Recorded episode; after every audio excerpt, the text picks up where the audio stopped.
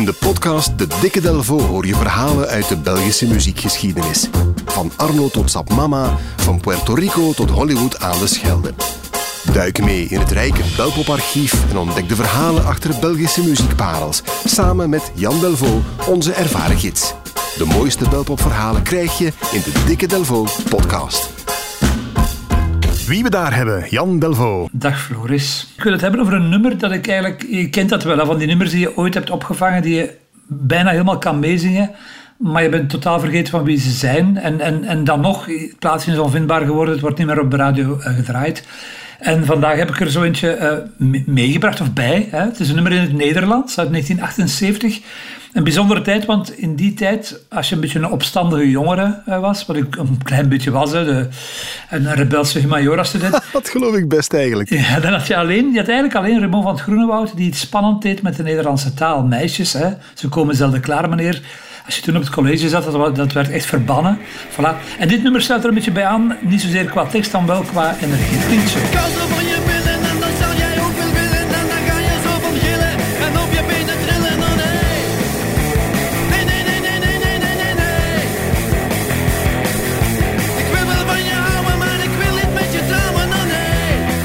Energie, inderdaad. Nee, nee, nee, nee. Van Wolfgang is dit uit 78, zei je? Ja, Wolfgang. Uit 78, een viertal uit Lebbeek. En dat is jouw, jouw uh, regio, denk ik, hè? Lebbeek? Dat was een buurgemeente, ja, ja zeker. 1978 was punktijd en zo'n fel nummer uh, in de eigen taal was heel aangenaam op feestjes natuurlijk, want dan kon je lekker uh, headbangen. We hadden toen heel weinig. Uh, Wolfgang had er ook de televisie mee, de BRT.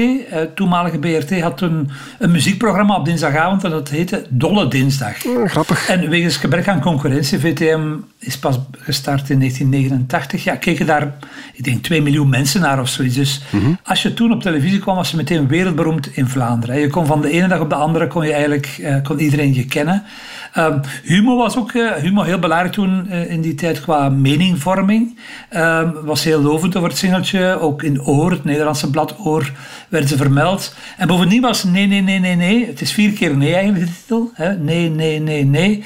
Um, was op plaat uitgekomen bij Polydor. En Polydor is een, een grote platenfirma, Philips, hè, dat hoort bij dat concern. Dus, Die waren meteen goed gestart eigenlijk. Ja, je zou denken de ideale start. Hè? Ik bedoel, televisie gehaald, overal uh, lof, de juiste platenfirma, hier gaan we.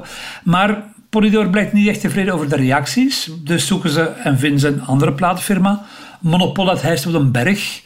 Maar daar was men vooral bezig met uh, rockabilly en Vlaamse slagers eigenlijk. Die combinatie en, ook. ja, ja, je had toen Ruth McKenney en, uh, en um, Moustache had je toen. En Bobby Prince, dat was een beetje de Heist op den Berg.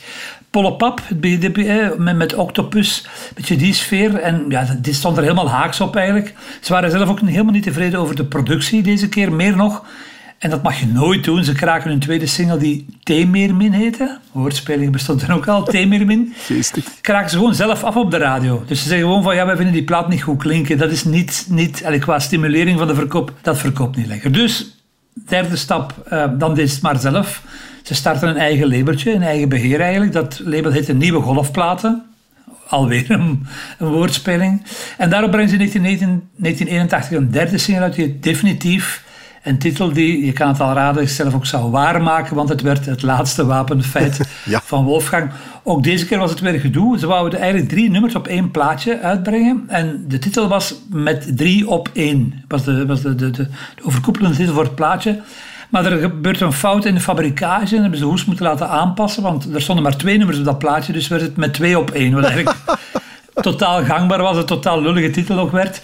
Dat derde nummer is trouwens gerecupereerd. Dat, dan, was een instrumentaal nummer. Dat is op een, op een album beland van Strof. Dat was in die tijd een vrij bekende uh, Brusselse ja. rocker, een rockabilly artiest. Enfin, dolle tijden, typisch iets voor het begin van de jaren tachtig. Die, mm -hmm. die uh, wereldvermaarde knulligheid van, van toen eigenlijk. Maar goed, ik ga terug naar Nee, Nee, Nee, Nee, Nee. Ja.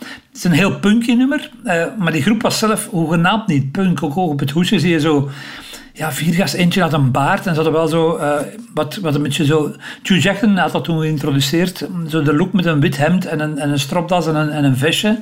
Ja, Dat was het eigenlijk ook. Maar, maar het hoesje had iets, had iets van die tijd ook.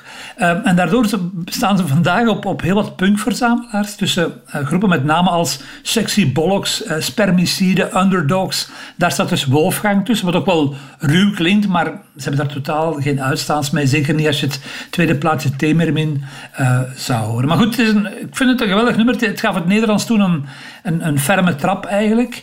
Uh, en het fijne is, het, het was eigenlijk zo het begin van een, van een klein golfje. Er waren er wel meer in die dagen die dat deden. De Brassers, onlangs nog in de Belpop 100 met... En toen was er niets meer. De communisten, pas uh, heruitgebracht, deden het ook in Nederlands. Je had ook een groep bij ons, de jeugd van tegenwoordig. Het is niet de Nederlandse uh, jeugd van tegenwoordig, maar eentje uit Brugge. Die zal ik ook nog eens bij gelegenheid laten horen. Die zijn ook zeer, zeer grappig. En natuurlijk had je toen ook de Kreuners, die zo in 80 helemaal zijn doorgebroken, maar die toen al eind jaren 70 een aanloop aan het, aan het nemen waren. En die trouwens als tweede single het nummer Nee oh nee uitbrachten. Dus het was ja, allemaal... Klopt. Ja, Nee oh nee, niet met mij. Nee was toen het populairste woord eigenlijk van, van die tijd. Maar Wolfgang zei dus als eerste nee. En het plaatje staat vandaag trouwens te koop voor 100 euro. Dus... Uh, vrijwilligers, mensen die er individueel mogen ze altijd naar ons sturen, maar 100 euro vind ik toch al wel vrij veel voor een single uit, uh, uit die tijd. Ja, aangezien het voor jou jeugdsentiment is, zou ik zeggen, koop het gewoon. Hè. Al was het maar om je hartje te verwarmen. Oh, ja, maar 100 euro is toch wel overdreven. Hè? Bedoel, dat lijkt me wel, ja. Ik vind zo, uh, 30 euro vind ik echt wel een maximum om, uh, om je jeugd terug te kopen eigenlijk. Voilà. Tegen dat soort bedragen zeggen wij nee, nee, nee, nee. Voilà. Vier keer was het, ja, Vier keer, vier keer Van Wolfgang. Jan, bedankt. Zeker en vast.